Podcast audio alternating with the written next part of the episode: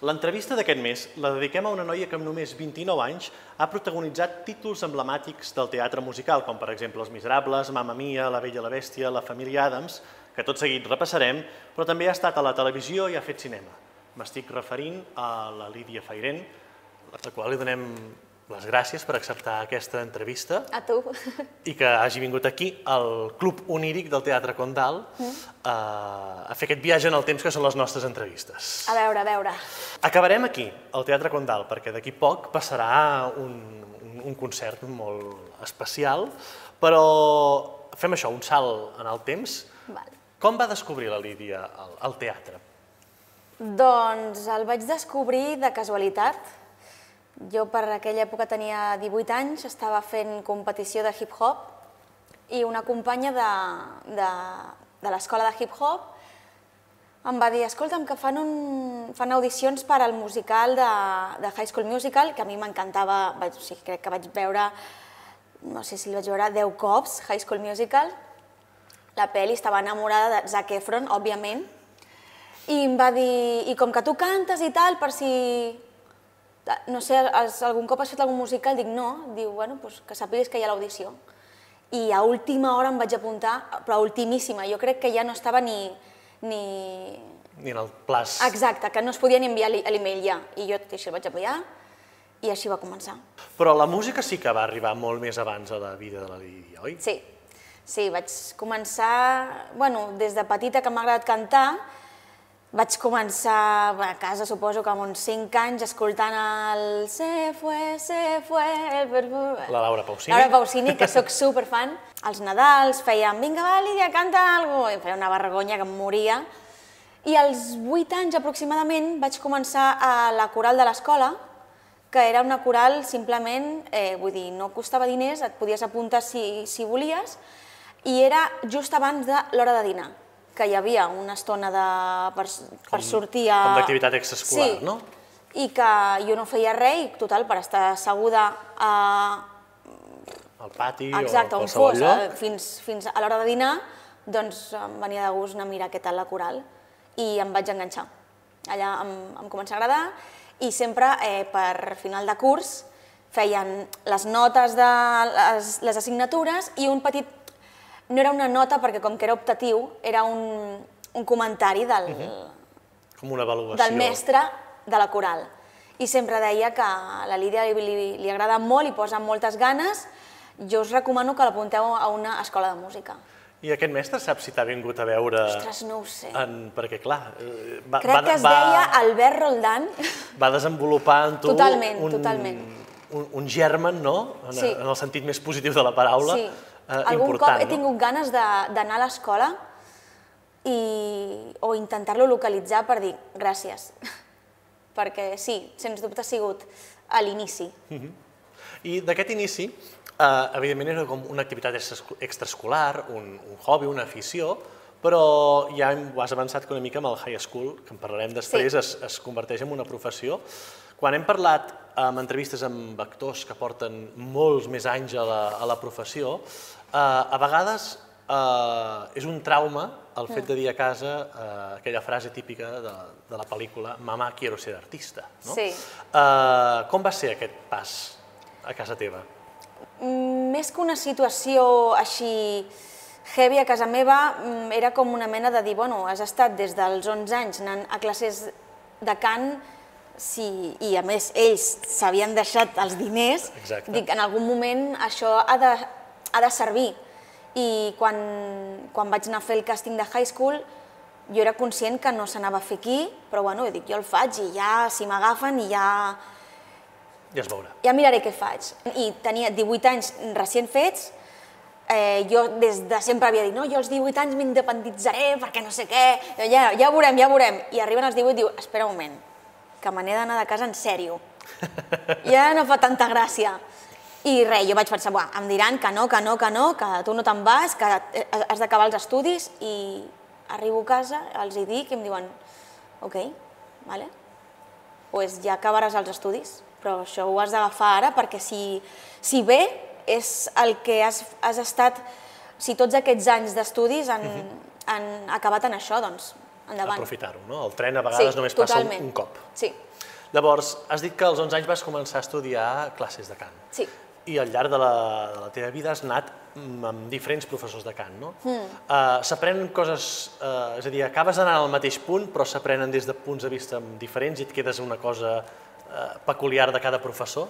Em quedo amb quines coses em són útils, quines coses... O sigui, jo crec que, que no hi ha una manera de, de saber cantar, que, que cadascú ha de saber la manera que, que li va millor doncs, per les seves per lo que li surt millor o per lo que no li va tan bé. Per exemple, hi ha tècniques que són molt de diafragma i de ficar i de fer força i jo haig de fer tot el contrari, perquè jo fico tanta que llavors hi arriba un moment que això està sobreesforçat i jo haig de relaxar tot perquè deixi sortir. En aquest cas jo, ja et dic, he conegut a gent que, que m'ha ajudat moltíssim, a gent que no m'ha ajudat res i justament també has de saber eh, coses que no, que no t'ajuden. Sí, sí, sí, sí.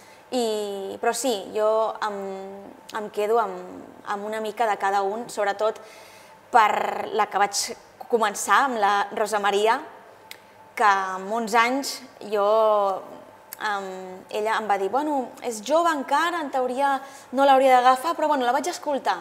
I un cop em, em començava a escoltar, diu, bueno, sí, vale, sí que me la quedo. Queda't. Exacte. I si anem avançant això amb el temps, tenim ja la descoberta de la música, de moment, eh, i el 2001 hi ha el Top Junior. Sí, A veure, si això hi ha espectadors que no ho coneixen, com, què els explicaries que era aquest grup? Doncs va ser com una mena de intent de remake de d'un grup que va haver-hi fa molts anys, que jo que no recordo, crec que no havia nascut, que es deia... Eh, El Parxís. sí. I llavors, bueno, aquesta és, és, diguem, com la idea que tenien pensat fer, i va ser una experiència única, sent així de joves, tan, que érem, mm, érem, teníem 11 anys, érem nens, Sí, sí, sí. fent un disc que, tot i que al final no el va que, sortir... El que havíem dit, que aquest disc no, no va Exacte. veure la llum. Tot i que al principi t'ho t'ho pinten superbé i ara fem un disc i ara fem un, unes actuacions aquí, te- al final no és tan fàcil i, i al final doncs, no va tenir l'èxit i, i se'n va anar, bueno, Mm. i fins allà. Fins allà. Això ara t'ho anava a dir, el, la televisió és un món molt atractiu, per, eh, perquè, però sempre fa un respecte no? Sí. per, per, per la gent. Com, per un nen, com, com és estar allà? És com una part de somni, però potser no veu aquesta part de responsabilitat d'allò que estàs fent, ho veuen milions de persones. No sé si ho recordes, això. Era, era un joc, però una mica, jo crec que arriscat per nens tan joves. Perquè ara mateix jo en, ens recordo i hi havia moments que deia, uf, on aneu, aneu, relaxeu, és que no sou ningú. Em, sí que et dona un, un saber estar a televisió i sí que vas aprenent a com fer una actuació i on està la gent i on mira la càmera i on està la llumeta i cada, i cada Sí, quan sí, et sí. canvia, més o menys això sí que ho aprens. Però sí que hi ha un punt que jo crec que uf, nens tan joves sortint per la tele, sovint, uf, després dient-ho així de clar, l'hòstia que et fots és gran. Exacte, no? perquè a més a més, després d'això hi va haver el uh, Batuca Júnior, no? Sí. que això sí que va tenir molta més uh, repercussió, hi havia uns DVDs gravats, no? Mhm. uh, per tant, diguem-ne, estàs a la televisió, però de tant en tant fa falta que algú o tu mateixa et digui ep, sí, estem aquí, fantàstic tot, uh, que duri molt temps, però això pot, o arribarà un dia que s'acabarà. Exacte. Sí, I som persones i hem de tocar i caminar de peus a terra, no? Sí, jo tinc la sort que a casa sempre m'ho han dit i sempre m'han dit, eh, Lídia, relaxa't perquè això, un dia estàs aquí i l'altre no estàs ni aquí, és que ni hi ets. Llavors, um, això t'ensenya a ser conscient del que estàs fent, eh, ser conscient de que hi ha molta gent que li, agradaria, que la, li agradaria estar on estàs tu i fent això i no ho està fent i tu has de ser conscient que ho has d'intentar fer el millor possible i donar-ho tot i, i també gaudir-ho al moment perquè no saps en quin moment això s'acabarà. Llavors, estaves a la televisió, Mm-hmm. però també miraves eh, la televisió, i una de les coses que miraves era el High School Musical, que això per una generació va ser un fenomen total. Ho hem dit només Sí, sí, sí. començar a l'entrevista que estaves profundament Enamorada, de Zac Efron, però, vamos, de tenir fotos a l'habitació. I et presentes fora de termini, Sí, eh, però et diuen, sí, sí, vine, vine. I, I a més a més et diuen vine, vine i et diuen sí, faràs uh, High School Musical. Sí. Recordo tant a l'escenari com a fora, era, era tot un institut, perquè la gent érem superjoves, eh, i a casa també. Vull dir, si tu tens adolescents a casa sols, si no menjàvem eh, espaguetis amb salsa de tomàquet de, així quasi cada dia, no menjàvem res perquè no, sabí, no sabíem què fer. I sortíem a fora i anàvem a menjar al burger, al McDonald's, i tot marranades. Era com tot adolescent, després arribaves a funció i deies, no, no estic gaire bé, no em trobo gaire bé, i els de dalt ens renyaven, aviam, nois, que aquí s'ha de... Us, us teniu que, que mantenir una mica en forma perquè si no això no aguanta i no aguantareu vosaltres. Llavors era un, una manera com de, de fer-se gran amb tots els àmbits i de liar-la cada dos per tres.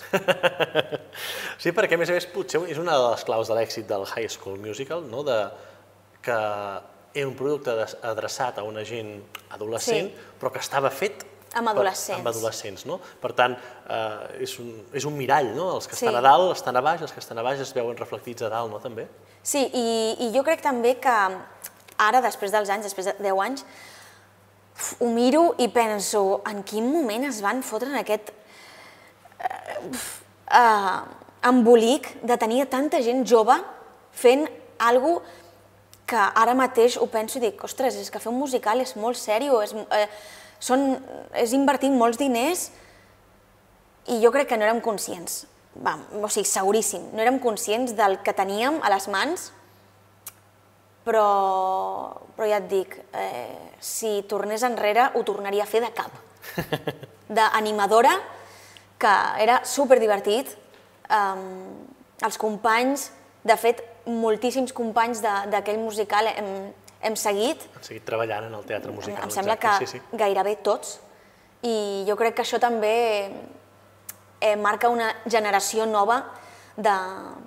D'intèrprets Sí, exacte, de teatre del teatre musical. No?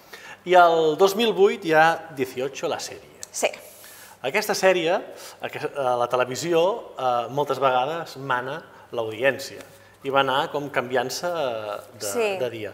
Això com ho vius com a, com a intèrpret? Eh, afecta el fet de dir igual sóc jo, no ho estic fent bé, no ho estem fent bé, o ja entens que és una cosa externa a tu i que tu ho estàs fent... Realment, eh, jo no tenia cap tipus de coneixement ni de com anava una sèrie, ni de com va un rodatge. No era conscient que segurament eh, bueno, em tenien que, que anar a buscar a les 5 i mitja o 6 de la matinada per començar a rodar, cosa que el fet de venir d'un musical on t'aixecaves a les 10, 12, inclús depèn del dia, una, perquè clar, quan ets adolescent no ets conscient de que hi ha moltes hores durant el dia que pots fer coses. Doncs clar, um, no ets conscient. Llavors, clar, tampoc tenia experiència com saber si un guió era bo o era dolent, o de què anava, tal. Jo pensava, ah, que guai, va de hip-hop, de gent que canta, segur que tindrà molt d'èxit. I amb el temps ho veus, dius, era un quadre. I dius, no va funcionar perquè no, perquè no hi havia per on agafar-ho. Era un format um, que la intenció estava bé i la idea estava bé, però a la vegada n'estaven fent una de semblant a un altre cantó, llavors tenies una competència directa, llavors no acabes d'entendre per quin motiu les teles fan coses exactament iguals a la vegada i, i ficant-ho gairebé a la mateixa hora. Dius, per què no acabes que acabi, per què no esperes que acabin uns i si vols fer alguna similar, eh, no, no ho sé, no, i, i, i ara mateix inclús no ho entenc, no entenc per què aquesta competitivitat quan crec que es pot fer tot mm, en el seu moment i així doncs, hi, ha, hi ha públic i hi ha feina per tothom. Sí, sí.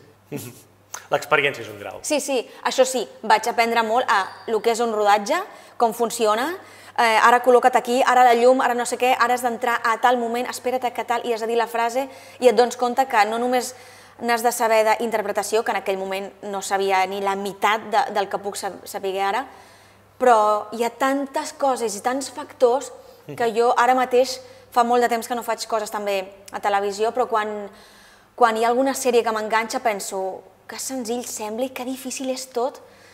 Hi ha gent que inclús sap l'art de posar els ulls cap a, un, cap a un costat i saber com posar la cara i no sé què per quedar guapos i a la vegada interpretar. Dius, que fàcil ho fas i que xungo és en realitat. Sí, sí. Segurament d'aquí vas poder treure moltes coses per, eh, després pel cinema, no? que també Sí. és semblant però es treballa amb un ritme eh, diferent, no? el, Sí. el, el cinema que la televisió. Sí, i també vaig tenir la sort de que el director, eh, José Manuel, va ser eh, espectacular fer El diari de Carlota. El diari de Carlota amb la Andrea Ross, amb la que tinc una amistat enorme. I, I va ser una experiència, jo crec que de les millors que he viscut, perquè vaig pensar, eh, bueno, jo vaig a fer l'audició, però no he fet mai un, ni cap tipus, ni curt, ni una pel·lícula, per tant, no m'agafaran. I de cop i volta el director li va donar amb mi i també tinc molta amistat amb ell i, i va ser increïble. Jo pensant, bueno, ja veuràs com ara m'enganxaré al parlar, caquejaré, uh, l'altre es posarà nerviós, perquè sí que és cert, per exemple, que amb la sèrie, com que era tot més ràpid, necessitaven tot fer-ho més ràpid, a la que jo em sentia una mica més insegura, em posava a caquejar. I llavors ja no hi ha manera de, de sortir de l'escena, la interpretació ja no hi és, i en canvi amb, amb, Amb cinema pot amb el cinema, està bueno, més amb assajat, aquest en potser. concret, No sempre, ni la televisió Exacte, és no- així, però vaig tenir una experiència- Però els tòpics s'acostumen a, a dir que són així, no? Sí, vaig tenir una experiència, eh, no sé, inoblida inoblidable i, i crec que, que repetiria en aquest sentit perquè el regust que et queda és algo bo. I després de fer el high school, televisió, cinema, arriba un títol majúscul dins Sí. el gènere del teatre musical, Els Miserables. No? Uh, ja l'havies conegut, tu, Els Miserables, ja la coneixies uh, des de que comences a estar relacionada amb el món del teatre musical. El pitjor és que no tenia ni idea de què eren Miserables. Quan jo vaig fer l'audició, eh, he de dir que crec que sóc una de les actrius de musicals que menys sap de musicals, perquè, bueno, com que no, no ho tinc, o sigui, no ho he tingut a la família ni tal, a, a mida que vaig fent musicals i tinc companys que fan musicals, doncs vaig sapiguent i vaig... Coneixes d'aquí i coneixes d'allà. I també això fa que tingui ganes de doncs, anar a Londres, a Nova York, encara no he pogut anar mai i tinc moltes ganes d'anar-hi, però no, no veig, ni veig el moment, ni quan puc anar mm, no tinc els diners o el que sigui, saps? Llavors, però bueno, la cosa és que jo no coneixia els Miserables, vaig començar, de fet, en el moment que em vaig entrar de les audicions, jo estava eh, eh, fent classes amb el Dani Anglès, i crec que com quatre mesos abans de que jo sapigués les audicions, suposo que ell ja ho sabia, perquè va ser director Clar. de, del càsting dels Miserables. em va dir, anem a, anem a mm, assajar aquesta cançó, i era el On My Own. I dic, ah, vale, diu, sí, és una cançó dels Miserables, jo, ah, vale, vale, jo per aquella època tenia 20 anys, tampoc. Doncs cantem aquesta, ja està. Jove inexperta, vale, fem el que tu diguis, ja està. I bé, ja me la sabia. I llavors arriben a l'audició dels Miserables i jo, inculta de mi, pensava que el Miserables era algo d'òpera. I dic, bueno, doncs no aniré. Diu, no, Lídia, perquè te'n recordes aquella cançó que vam assajar? És d'aquest musical. Dic, ja, ja, però jo no canto òpera. Jo no canto líric. No aniré, no aniré. I em vaig apuntar, però a última hora em vaig rajar. I no vaig anar. I llavors um, estava a casa, al sofà, amb xandall de hip-hop, perquè jo en aquella època seguia competint, um, i vaig rebre una trucada i em diuen eh, Lídia, que, que no vens? Dic, no, no, mira, no, perquè no ho veig, no ho veig i no tinc ganes de fer el ridícul. Diu, eh, no, no, no ho has entès, Lídia, que has de venir. Dic, ja, ja, però és que no canto líric. Diu, no, Lídia, no... A veure, Lídia, el personatge que tu has de fer per l'audició és almenys líric, com tu dius, eh, i precisament volem escoltar-te perquè ens han dit que ets una opció. I jo aquí us he dit què? O sigui, no he parlat amb ningú. Clar, jo no queia que el Dani estava al càsting, bueno, en fi. Vaig al càsting amb xandall, tal qual del sofà, dic, bueno, pues res, pues vaig al càsting. I tal qual entro, amb els anys em van dir que el Christopher Key, que era el, el director en aquell moment, entro a la sala amb la meva desgana i només entrar diu, és ella. I li van dir, espera, espera, espera, escolta-la cantar i ja veurem. I començo a cantar allà amb tota la meva desgana. Clar, la meva desgana implica zero nervis. Perquè, clar, jo anava del plan, és que... No m'agafaran, que no m'agafareu, que jo vinc perquè m'heu trucat, doncs vinga, vale, doncs, doncs vinc, però... I començo a cantar, i a mitja cançó em diu, un moment, un moment, en anglès. Eh, dic, ja està, ja, diu, vale, vinga, fins, fins una altra. Em diu, et fa res cantar-la amb la versió que tenim de moment, amb, En castellà. en castellà, i faig, bueno, sí, i més o menys la melodia l'anava fent, no? I l'acabo i li veig la cara al senyor així.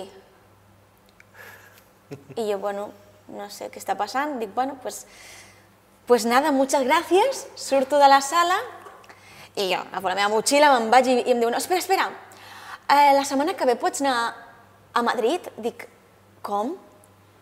Dic, però, ah, però, però si, si, si tinc que anar vaig, però total, és que no m'agafareu. No, Lídia, Lídia, per favor. vés-hi. Però ja, ja com que em coneixien de high school, ja em miraven com en plan, Lídia, per favor. Ja era com més mm, una tieta que et renya, saps? Que, que un, una audició a l'ús. I em va dir, no, Lídia, eh, has d'anar-hi. Diu, vale, vale. I ja a la vegada vaig començar a fer unes feines a Ibiza i se'm va començar a complicar les audicions i ja vaig notar com que em ficaven una mica les audicions a huevo, de, dient-me quin dia tu t'aniria bé venir a fer Te les l'audició. encaixaven al calendari. I allà vaig començar a pensar, mm, que raro. I ja a tot això, eh, després de fer la primera audició, vaig arribar a casa i el papa m'estava estava cotillejant YouTube. I llavors em diu, Lídia, tu saps què és Miserables? Dic, no. Em diu, mira, pam. I m'ensenya un vídeo de Lea Salonga cantant On My Own. I allà vaig començar a ser conscient. Dic, un moment, un moment. Jo, jo he de fer això? Espera, espera, espera. I allà em vaig començar a ser conscient. Dic, vale, anem a, a fer-ho en sèrio perquè això és gran. I, i bueno, de fet, inclús als assajos eh, em vaig, va haver-hi un moment que em vaig fer petita, petita, perquè estava clar, amb Jerónimo Rauch, Ignasi Vidal, Ordines, Arrojo, no sé, moltíssima gent, Sí. Referents o noms Referents. importants del, del gènere. clar, que, que jo um, havia vist vídeos o inclús estant a High School Musical havia anat als musicals on, on ells estaven fent. Uh, I llavors, clar, jo, jo sentia que, que s'havien equivocat amb mi. I clar, com més petita et fas a sobre, em, no, no demostres el que ets capaç, no estàs lliure, inclús va haver-hi un dia que em van haver de cridar l'atenció. Clar, vull dir, tu quan tu, tu dius, ah, mira, has fet Eponim, miserables, no és tot tan bonic com la realitat, no? I la realitat és que va haver-hi un dia, al cap de dues setmanes dels assajos, que em van haver de seure i em van dir, mira, Lídia, no ho tenim gaire clar amb tu, no veiem el que havíem vist a les audicions i és un toc d'atenció perquè s- tenim 15 dies per agafar a una altra noia, si no pots fer-ho tu. No volem agafar una altra noia, et volem agafar tu, però volem, no sabem què passa, però volem la Lídia Eponim. I llavors, el dia següent, em van citar un assaig només a mi i recordo que van arribar a remoure tant que vaig acabar fent Own amb tant de desgarro i tant de tot que no vaig ser capaç d'acabar la cançó perquè em vaig posar a plorar d'impotència. I em va dir, vale, això és el que jo vull. I ara hem d'intentar buscar ni que no siguis capaç d'acabar la cançó, però sí que siguis capaç de, de vomitar tota aquesta ràbia i impotència de que ella no és corresp... o sigui, que, no Sí, sí, té, que el seu té amor no és el correspost. Màrius no el tindrà, no el tindrà mai. Exacte. Llavors, sí que va haver-hi un moment de, ojo, que això va en sèrio i, i allà vaig ser conscient de la magnitud de, de, de que era Els Miserables i que seria un abans i un després en, en el que he fet, vaja. Però, ostres, quan ja fa un temps que no ho fas i tires enrere i em pregunten si es tornés a fer, ho tornaries a fer? Dic, ostres, és que és impossible que digui que no. Perquè és que seria ja només començar, respirar la música, perquè jo sempre ho, tenia aquest sentiment, sobretot amb aquest musical, d'entrar i tocaven els, crec que eren 16 músics que teníem, i començar el xan-xan i feies... Pell de gallina. Oh, era increïble, era increïble. I després d'una superproducció com és Els Miserables, no ens quedem curts. Una altra superproducció, que és La Bella i la Bèstia. Sí, Sí? És a dir, Els Miserables, diguem-ne, passen una època llunyana, a la nostra, però, per tant, el vestuari és diferent, però som tots humans. Sí. A La Bella i la Bèstia passa una època aparentment llunyana, però és que, a més a més, eh, hi ha gent que no és humana allà. representa, Exacte. No? Per tant, hi ha molt més vestuari, molta més escenografia. Sí. Com, com es recorda això, també? Recordo que... mm, Que a més allà, perdona, feies dos personatges. Sí. Perquè eres eh, la xica boba, Xica boba. i la, un cover de, la, Sí. ve- de la vella. Sí, exacte. Era, mm, era curiós perquè justament havia vingut de Miserables de, de fer un, un tipus de musical doncs, com molt realista, molt sèrio, molt dramàtic, a fer una caricatura total, sobretot amb el personatge de eh, Xica Boba, perquè érem les enamorades del Gastón. Exacte. Llavors, clar, el tipus d'interpretació és exagerada, no, el següent, vull dir, era, hi havia moments que em deia, no, més, volem més, i dic, no sé fer-ho més, diu, no, no, el que seria exagerat, doncs és això. I clar, al- a l'inici era difícil arribar al punt de, de no sentir-te ridícul fent això, però, però ja un cop ja ho tens dominat, hi havia moments que ens havien inclús de rebaixar, eh, eh, us esteu pareu, passant, pareu, perquè ja és, eh, xiques, el musical, ja no és la bella i la bèstia. I a part, cantar cançons d'Alan Menken, o sigui, també, Sí, sí, igual, és o sigui, les respiraves, era entrar a l'escenari i escoltar la música i dius, "Uf, ho estic cantant L'Alan en Menken és un directe". compositor que té aquella peculiaritat que només que et fa una intro amb tres acords i dius soc Aladdin, estic volant, Sí, sí, estic sí. a la botiga dels horrors i se m'està a punt de menjar una planta o estic a, en, un, en una vila petita com la de, la, Total. com la, de la vella. Era, ja et dic, vull dir, qui no ha somiat en, en fer un personatge així de Disney? Jo crec que tothom. I, I jo tenia la sort de fer-lo eh, un cop a la setmana, perquè ja venia de tot lo fosc a venir tota la, la llum, la purpurina, eh, la festa, era molt divertit. Inclús recordo anècdotes com, per exemple, clar, quan érem objectes, hi havia moments que al, dins el teatre, com que era gira també, eh, no hi havia lloc. Un plat de 14 quilos amb unes llumetes que s'encenien al costat, que jo feia així com de discoteca, anava encenent i apagant, deien, Lídia, para, que es, que es, que es fan malbé les llums. I anàvem tots esperant el nostre moment per sortir, per fer ti, ti, ti, ti, ti, ti, i sortir cap a escena. I clar, hi havia gent a vegades que s'havia caigut cap enrere amb el plat I no es i podia era aixecar. rotllo com, com una cuca, igual. Sí, sí, era, era superdivertit tant a l'escenari com a fora, perquè clar, anàvem amb aquella parafernàlia, no hi havia manera de, de que les coses sortissin en sèrio, allà. I eh, una cosa que potser la, la gent no sap, i potser els hi pots explicar, és quan estàs fent un personatge, però a més a més ets cover d'un altre, com es treballa això a l'assaig? Ho saps des del principi?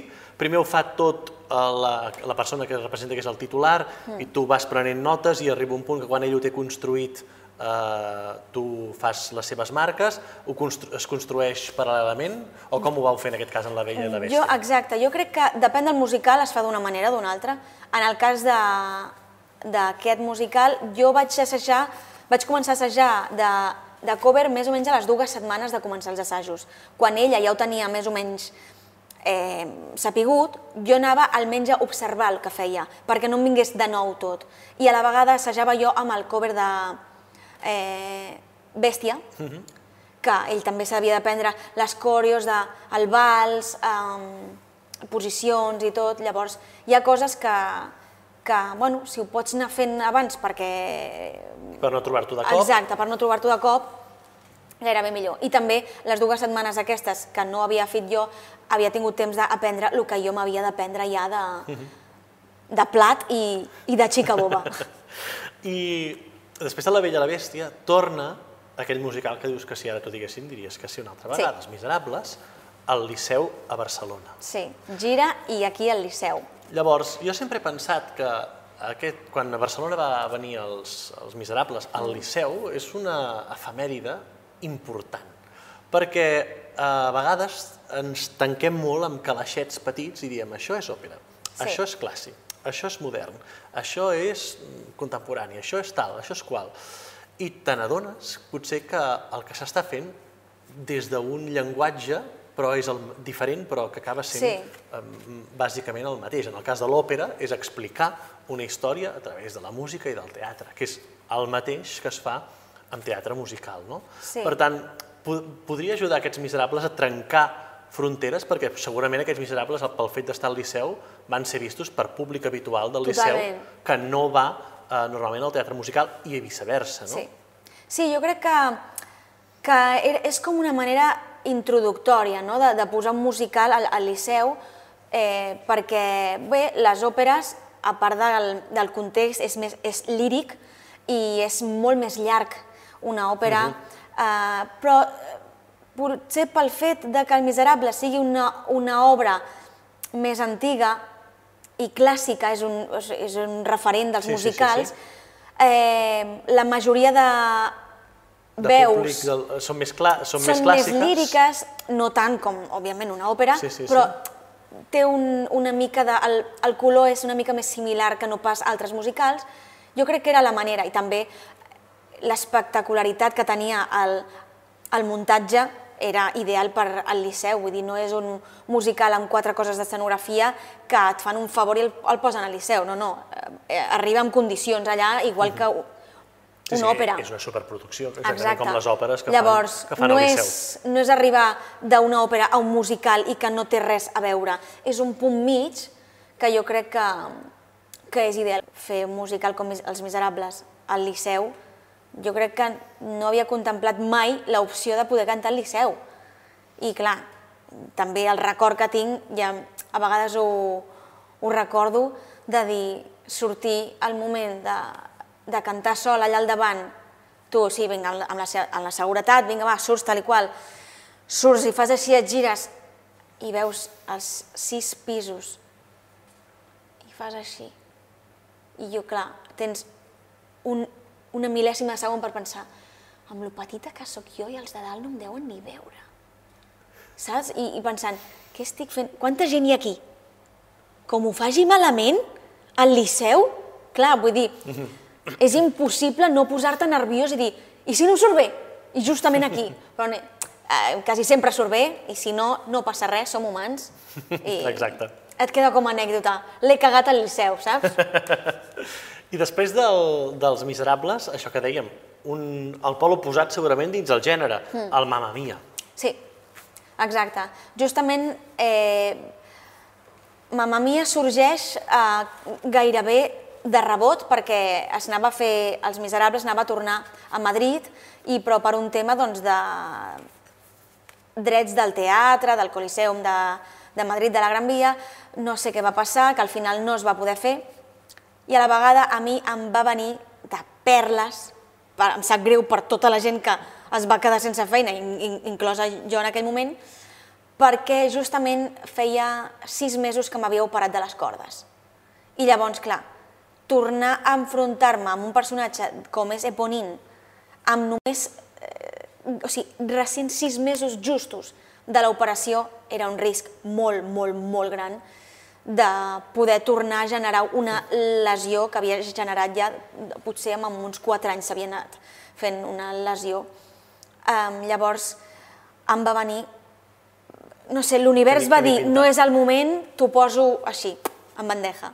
Hi ha, hi ha un moment que vaig pensar, la gent em diu, però quina llàstima que no t'agafessin de Sofi. Jo vaig pensar, sort que no m'agafessin de Sofi, perquè no estava llesta, no podia cantar Sofi tots els dies, perquè les cordes no estaven encara al seu lloc.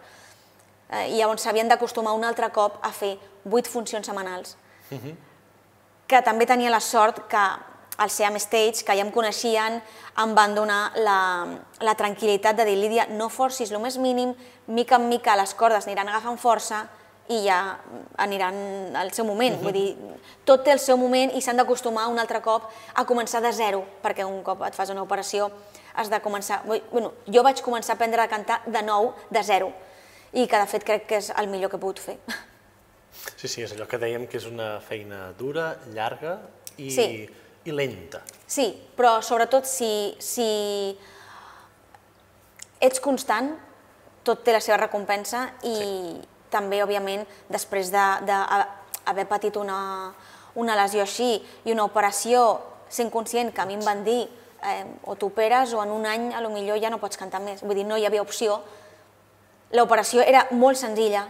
Eh, hi ha gent que a vegades doncs, no ho vol dir. Jo crec que és una manera interessant de que la gent sàpiga que la majoria de gent té lesions, que és normal, mm. perquè igual que un, un futbolista... Ah, exacte, t'ho anava a dir exactament això, mm, estem acostumats, exacte. perquè mm, per sort o per desgràcia el teatre, la televisió surt poc, exacte. però l'esport surt molt més, i concretament sí. el futbol... Per exemple, eh, no, per posar un, un exemple. És un no parar, i estem molt més acostumats a, a, a això de dir sí. el Messi s'ha fet un no per sé exemple, què al colze, sí. s'ha fet, eh, l'altre s'ha fet una lesió al turmell, i, i està molt... Eh, assolit i assumit sí. que, que, que, que hi ha riscos de, I que, que no una persona res. que camina pel carrer té, menys possibilitats de fer-s'ho. Llavors, clar, va ser una manera com fer un reset i va dir, vale, tornem a començar. I justament eh, se alinearon los astros, saps què et dic? Uh -huh. I, i, I justament va caure en un moment on mm, jo no estava fent Els Miserables, s'havia acabat, eh, encara no començava Mamma Mia i vaig dir, vale, ara és el moment. El Dani en tot moment va dir Lídia, fes-ho i fes-ho ja, uh -huh. perquè com abans ho facis, abans et recuperes i abans agafes el ritme.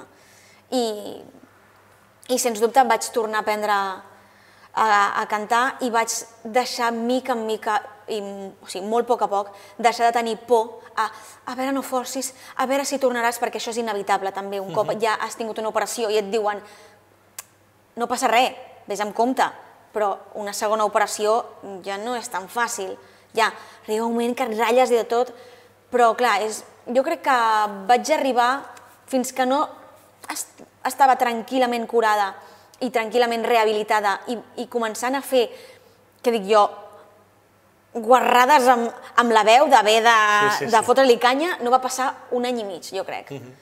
Però bueno, és molt de temps i òbviament sempre amb, eh, amb algú que t'ho supervisi, que a mi... Allò que deien els la professors mamen, de cant la Mamen Márquez, que li dec, vamos, el, el 50% de les accions de les meves cordes, que sempre li dic, és seu. Sí, sí, però en definitiva això ha passat al llarg de la història. Molts eh, professors de veu, de cant, mm. han començat a experimentar de veritat o aplicar aquesta pedagogia de la veu eh, perquè van tenir un problema. Sí.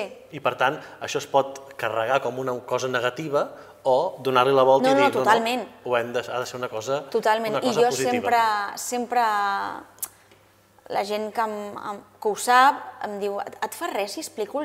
Per suposar, diu encantada, mm. o sigui, si, puc, si el meu et pot servir com a exemple de, un, eh, anar en compte amb qui vas de, de, de mestre o no, perquè has de saber, és el teu mm -hmm. instrument amb el que has de tenir un, una carrera, espero que molt llarga. Mm -hmm. I uh, ser conscient que ho has de cuidar, que um, si t'has de deixar de sortir de festa, doncs has de deixar.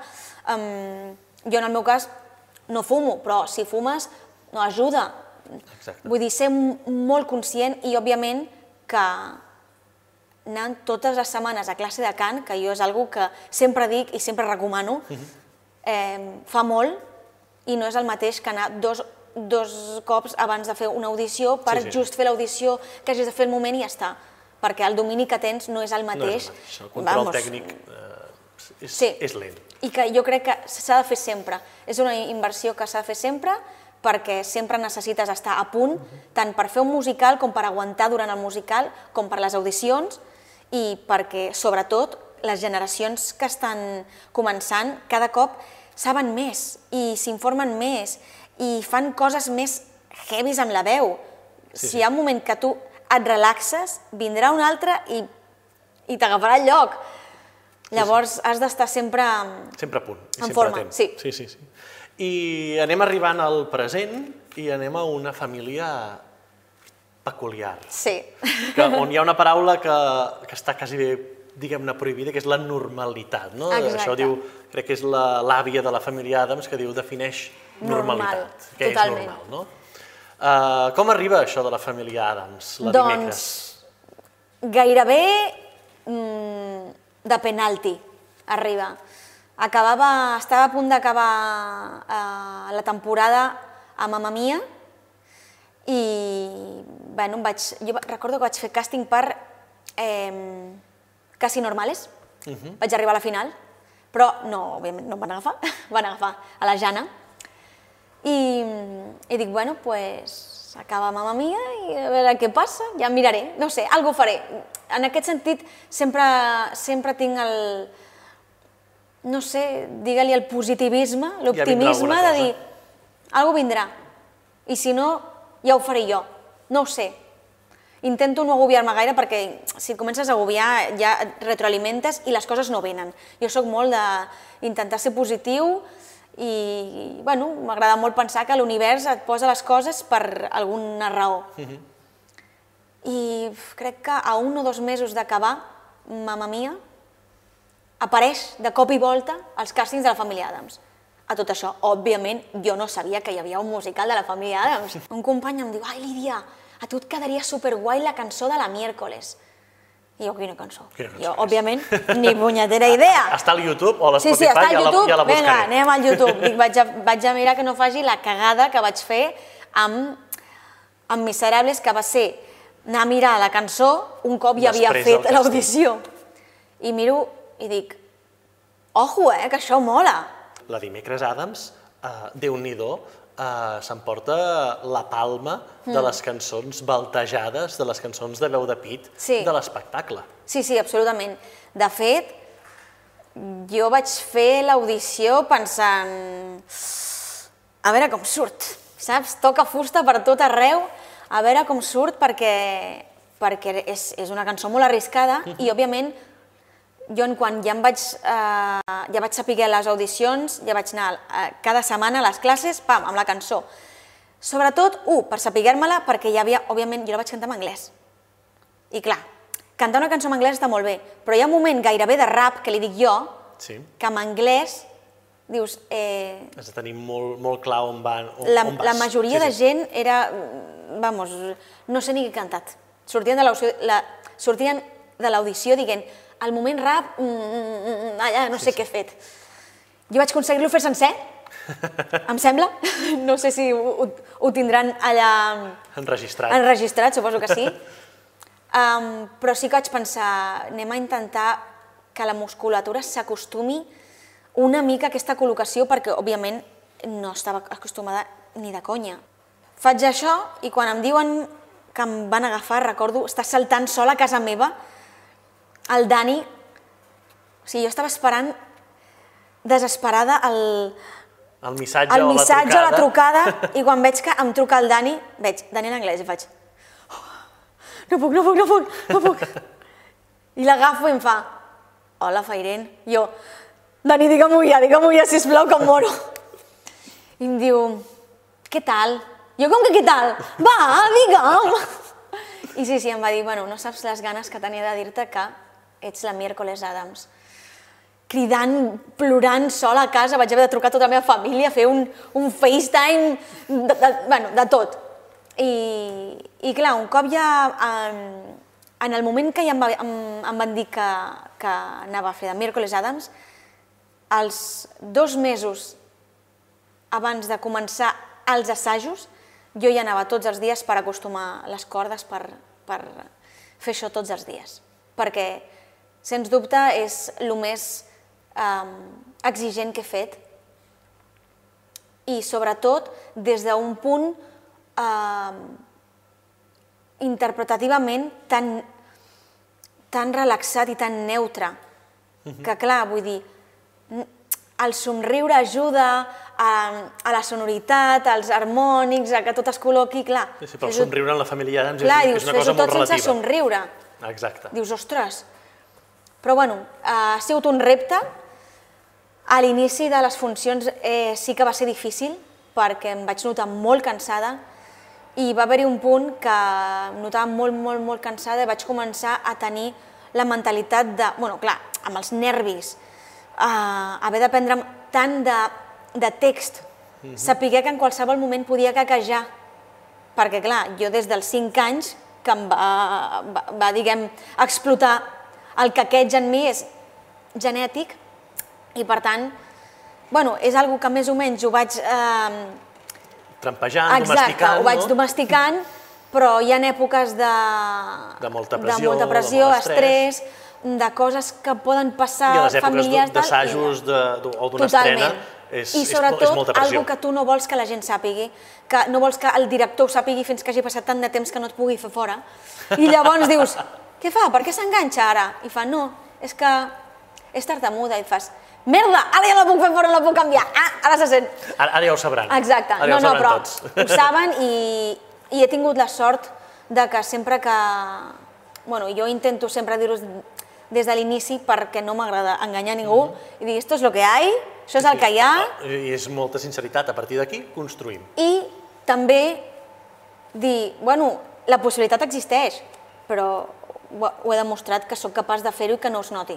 I, sobretot amb, amb, amb la família Adams, eh, sí que m'ha passat algun cop que he tingut moments de, de col·lapsar-me i de respirar tranquil·lament a l'escenari i dir, no passa res. Vull dir, saber com que estàs com a casa teva, és al teu lloc i saps sortir. Llavors és una manera com d'aprendre a l'escenari a gestionar aquest tipus de, de bloquejos, no? A més, jo no hi entenc d'aquesta matèria de la cultura popular, però diuen que la gent que caqueja, que té el tartamudeig, Sí. sempre és un gran cantant. Sí, això, Això diuen. ho diuen. No, eh, no sé si això està fonamentat o Sé no, que- però en el teu cas, diguem-ne, l'Ida Fairen és una de les actualment veus més brillants femenines que tenim al panorama del teatre, del teatre musical, a Catalunya i a Espanya. Per tant, potser alguna cosa de, de raó tenen, no? Aquestes tradi... Jo això de la crec que cultura popular. A lo millor, no ho sé, eh, però a lo millor el fet de, de cantar eh, ajuda a poder dir les coses que a vegades a l'hora de, de parlar, com que t'enganxes, no dius, o, bueno, jo des de sempre eh, he hagut de fer servir potser eh, un, un vocabulari més col·loquial pel fet de, quan em ve de gust posar-me més intensa, per dir d'una manera, no puc i m'enganxo. Llavors, sembla com, com que la lídia sigui simple, que, que ho és, òbviament, però hi ha coses que, que sí m'agradaria potser dir d'una altra manera més, ex, no sé, explicar-ho més i que no puc perquè m'enganxo, perquè sé que amb la P m'enganxaré, perquè amb la T, perquè quan eh, començo a parlar d'algun tema en concret em dóna més neguit i no puc acabar de dir el que vull dir realment. Però bueno, també sé, sé que n'hi ha molts cantants que ho són. Eh, Marc Anthony, si no m'equivoco, ho és. I algun més eh, de, de teatre musical n'hi ha i sempre els intento buscar. I segur que, a més a més, eh, quan molts espectadors s'escoltin l'entrevista diran en sèrio? Òbviament, aviam, el Per meu tant- grau de caqueig Exacte, és per molt tant, lleu. Per tant, diguem-ne que és una prova Sí. superada en escreix, no? Sí, jo crec que sí. I arriba un punt, jo crec que la clau ha estat en acceptar-ho. Vull dir, ha arribat un punt que he visitat tants logopedes, tants psicòlegs i tant de tot que arriba un moment que dius, mira, m'enganxo a vegades. I ja està. Inclús el fet d'haver-ho acceptat fa que m'enganxi molt menys. Exacte. I sóc conscient que, bueno, quan era més nena al col·le era un, bueno, llegir, quan em tocava llegir, un moment, vinga, Lídia, et toca, em volia morir, perquè era una festa, allò, la festa del caqueig, dic, no sortim, avui no sortim de classe, ja t'ho dic. Però, sí. bueno, um, amb els anys t'acostumes, amb els anys vas sapiguent eh, com dir les coses, com enllaçar les frases per no enganxar-te, com substituir, Sí, sí, sí. o com poder parlar de certs temes sense, omitint certes coses en Sí, sí. concret Sí, sí, sí. I, i pots arribar a, a dir el que vols, més o menys. I, i que estem aquí a Barcelona, eh, la família Adams està aquí a Barcelona, després hi ha la mansió dels Adams, s'instal·larà a algun altre lloc després de Barcelona? Sí. Després seguim, eh, ens n'anem un mes a València, crec que ens, en- ens n'anem just abans de Falles, cosa que per un costat em, em sap greu perquè les Falles és un moment molt especial allà a València, però per un altre cantó no m'agraden eh, la pirotècnia, perquè tinc gos i el meu gos ho passa fatal, pobreta, i també perquè els nens tiren pirotècnia pel carrer i em posa molt nerviosa. Llavors dic, els mataré i per no matar-los m'estimo més no ser-hi. I més fent de dimecres és un perill, eh? No, no, no, totalment. De fet, a l'obra hi ha moments que he de respirar perquè dimecres es posa molt en mi i, clar, la gent a vegades vem nens i els deixa, diguem, sueltos per el pati de butaques, que dius, això no és un happy park, però bueno, el deixen sueltos i el nen comenta «Mama, me, ha, ha dit això! Mama, ha dit l'altre!» Dius, eh, senyora, per favor, agafi el seu fill, que tinc una ballesta a la mà, faci el favor. Però bueno, suposo que el dia que tingui fills eh, diré, ah, Es ara què? Ara es- què? Agafa'l tu, el nen. Es veurà d'una altra òptica. Exacte. Sí, sí, sí. Però sí, ens queda gira, um, ja et dic, un mes a València, crec que anem a Alacant després, uh, a Lleida, a Còrdoba, mm, a Múrcia, ens queda, ens queda dir, encara més o menys Adams- juny, juliol, més o menys crec que tenim la gira organitzada Té- i no sé si seguirà. Té vida, de moment. Sí, té, sí. Té, té bona vida. I per aquí al mig ens hem saltat una cosa que la deixem per última, que és uh, el cartell que tenim aquí al darrere, el On My Own. Sí. Uh, la primera pregunta era, uh, ja que l'hem contestada, que et volia fer sobre això, és aquest títol és evident que és d'una cançó dels Miserables, no? Sí. Uh, anava a dir per què, segurament ja ho hem dit, no? Potser tot això de, de la classe de cant, que no coneixies el, Sí, el, jo crec el tema, que- per tant és un tema molt important, no? Sí, sens dubte. Um, és un tema amb què tinc moltes uh, anècdotes. Uh, M'han passat coses molt bones, com, o sigui, gràcies a aquesta cançó mm, m'he donat a conèixer, diguem, en el, en el, el musical. Um, gràcies a aquesta cançó vaig destrossar-me les cordes vocals. És com una mena d'amor-odi, però que és inevitable tenir-les sempre... O sigui, jo crec que no me l'he tatuat de miracle perquè em fan una por les agulles increïble, però si no ho hagués fet, vull dir, és algo que sempre anirà amb mi. Uh, crec que defineix el concert perquè sóc jo amb el Xavi Torres i sóc jo amb el que em ve de gust fer, amb una idea que feia molt de temps que tenia, bueno, tenia però tampoc tenia molt clara, però sempre havia volgut fer un concert, no sabia com, ni, ni per quin motiu, ni de quina manera. I, i d'on surt la idea aquesta de fer-lo? Perquè, estàs, com Sí. has dit tu, estàs molt ben acompanyada d'un magnífic músic, que és el Xavi Sí, jo crec que no, no podria estar millor acompanyada. El Xavi el vaig conèixer a, a Mamma Mia i jo crec que és una de les persones que més ad- admiro perquè em sembla que artísticament és, és un geni. Um, el, que, el que és capaç de fer ell, com, bueno, ja quan estigueu al concert ja ho veureu, enllaça unes cançons amb altres que no et dones ni compte i, i, i molta gent es sorprèn com dient, ostres, és increïble com és capaç d'enllaçar-ho i inclús de tonalitats diferents ho fa d'una manera i fica unes ganes a, a l'hora de tocar el piano que, que és el que m'agrada a mi, no? que no només sigui jo la que interpreta les cançons i ho dona tot, sinó que ell, tocant el piano, notes com està amb mi, um, com escolta les respiracions, com sap quan ha de... O sigui, no és que ell hagi d'anar amb mi, perquè jo, a mi no m'agrada anar sola, a mi m'agrada anar... O sigui, si som dos, anem junts. Um, com entén tot el que vull dir, com el poc que sé jo de tocar el piano, que és zero, um, li dic, mira, és que aquí m'agradaria que sonés com xan, xan, xan, xan, i llavors ell ho entén. Vull dir que algú sigui capaç d'entendre les tonteries que dic, per mi és sagrat.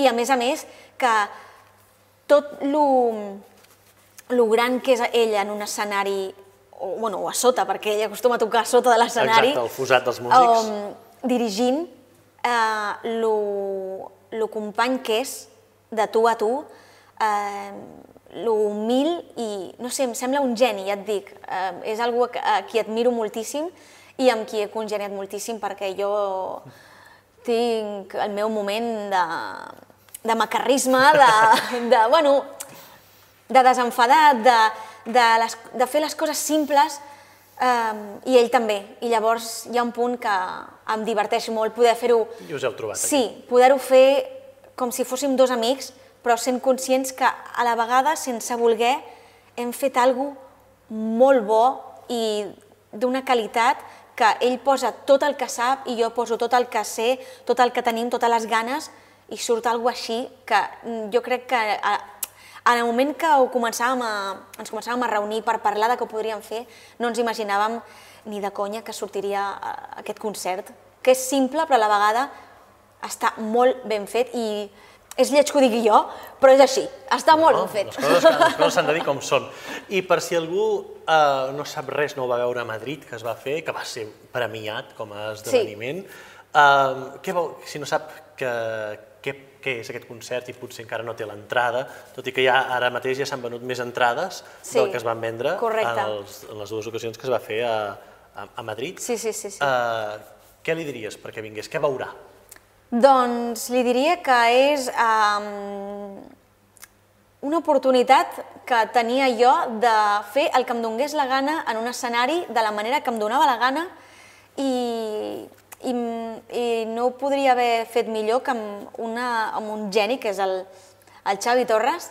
És un recorregut pels musicals que he fet, que n'he fet cinc de moment, espero fer-ne més, òbviament, um, un recorregut pels musicals que he fet, uh, no literalment per les cançons que he fet, perquè també té una mica la gràcia no? de poder, De poder, poder fer cançons... reconèixer el musical que, que he fet, però amb cançons que potser no m'han tocat cantar a mi, que també em venia de gust.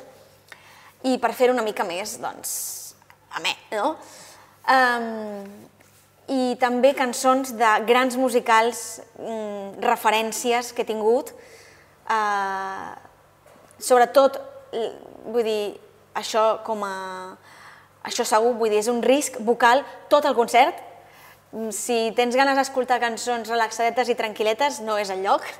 Vull dir, ho dono tot i és el, és el, el, meu, el meu segell, diguem, d'aquesta manera, no? de, de dir, si ho faig, ho faig al 200, al, bueno, no al 100%, al 200%. 100%. És, és una cosa bàsica, no? també que l'artista ho dongui tot en el públic, en, Sí, i... que es dongui al públic, no? per dir una manera. Sí, i jo crec que, que, bueno, que si alguna em, em caracteritza és bueno, donar-ho tot així sempre, amb el risc de, bueno, que, que a vegades dones una mica massa, però bueno, jo crec que la gent té ganes també de, de que, almenys jo, quan vaig a, un musical o a un espectacle, m'agrada seure i sentir que se'm posen la pell de gallina. I llavors la meva intenció és aquesta, posar la pell de gallina a tothom i que no hi hagi un moment que diguis és que no podem... O sigui, ens hem relaxat aquí. No, no, no et relaxaràs. I ara mm, tot el rato eh, al·lucinant. Doncs que vinguin aquí, el, que comprin l'entrada si no la tenen i que Exacte. vinguin aquí, aquí mateix al, al Teatre, Teatre Condal, Condal. a veure-ho. I acabem aquest viatge en, en el temps i sempre fem, acabem amb una ronda de bateria de preguntes ràpides, Vera. que a vegades no són tan ràpides de contestar, Ah. perquè han de ser concises allò. Quin va ser el primer espectacle musical que vas veure o que recordes? Crec que vaig veure eh, Peter... El Peter Pan, Sí, eh, el vaig veure Peter Pan eh, que es va fer aquí al BTM, Al BTM. al Barcelona Teatre Musical. sí, amb la Gisela. Exacte. Crec que va ser aquest, el primer musical que vaig veure. Si t'haguessis de quedar, no sé si el títol d'aquí al darrere serà això la resposta, amb una peça de teatre musical, amb una cançó, amb quina et quedaries? Uau! Bueno, sempre hi ha hagut...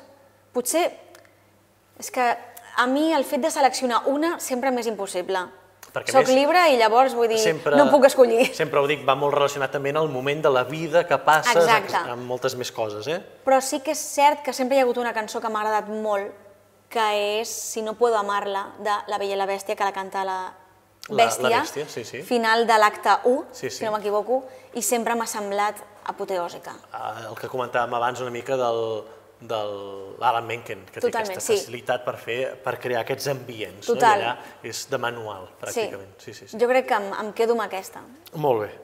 Un autor que diguessis, uah, eh, m'encanta cantar aquest autor de teatre musical, Més que m'encanta, no l'he cantat perquè em sembla molt arriscat encara, no domino el rap, però ara mateix estic fascinada amb Lil Manuel Miranda i tot tema Hamilton. Uh, vaig anar a Londres i, és de lo més heavy que he vist. Em sembla espectac espectacular vocalment, escenogràficament, interpretativament, les coreos com a hip-hop que porto des de fa anys dintre, em sembla una borrada i al·lucinant. Com són capaços de, de, de fer tot allò, vull dir, és que, és que no sabria com començar. Sens dubte, Lil Manuel Miranda i Hamilton. Molt bé. Un record que t'hagi donat el teatre musical? Uah, record... Una cosa d'aquelles que es queda gravada i que dius... "Això Sí, no bueno, el borrar". moment del Liceu, per exemple, el recordo i... Bé, hi ha un record, que més que el teatre musical va ser l'inici, o sigui, just abans, que va ser, com, com he explicat abans, jo em vaig apuntar al càsting de High School Musical a última hora. Llavors, eh, el papa em va, eh, em, va acompanyar a l'audició. Sempre m'acompanyava a les audicions, el meu pare. I, mm, i recordo fer la prova de ball i, i un cop sortíem deien la llista de noms i els que deien entraven a cantar. I jo, a mi em van dir l'última, perquè jo vaig ser l'última en apuntar-me. I segons ell, jo no ho recordo, però ell sempre m'ho explica. Llavors, diuen, bueno, no sé què, no sé què, i Lídia Fairen. I vaig, oh, vale. I agafo les coses i em diu, em diu ell, "Mm, si us aguanto la motxilla, dic, sí. I sembla ser que li vaig donar la motxilla i ell em va dir, bueno, que tinguis sort. I li vaig dir, se van a cagar. I ell sempre em recorda aquesta manera d'afrontar les coses que tinc jo, d'en comptes de dir, ai, quina por, no, no, pam, Som-hi. que a lo millor no surt, a lo millor no, però si surt, surt a tope. Molt bé. I per acabar, què és allò que només té el teatre musical? Moltes vegades, tant la gent que li agrada com la que no diuen és que els musicals tenen aquella cosa que no té res més. Per això m'agrada o per això no m'agrada. El fet de poder interpretar i explicar una història amb música que t'acompanya en directe, que sobre, vull dir, el que et remou dintre, independentment del que hagis d'explicar, el que et remou dintre és tan fort que crec que molts cops no som conscients de la sort que tenim de poder tenir aquesta sensació de dir, ostres, estic fent això i estic fent el que m'agrada i em dedico al que m'agrada. I, i pf, el, el directe, la música del directe, el risc del directe també m'agrada. El risc perquè, sí, bueno, hi ha cops que no et surt bé i, i no passa res, vull dir, tots som humans i qui no l'hagi cagat o no li hagi sortit un gall o una flema, pf, vamos, Sí, sí. és mentida. Però quan surt bé en directe, la satisfacció, vull dir, és, És màxima. és brutal, és com dir, és que no em podria haver sortit millor. Jo crec que la satisfacció de, de que les coses surtin bé en directe. Molt bé. Doncs moltes gràcies per haver fet aquest viatge en el temps. Gràcies a tu. I, i esperem que ens retrobem amb, amb un Mayons i molts més projectes Això amb espero. la Lídia Fairín. Gràcies. Moltes gràcies. I amb vosaltres ens retrobem d'aquí un mes a la propera entrevista.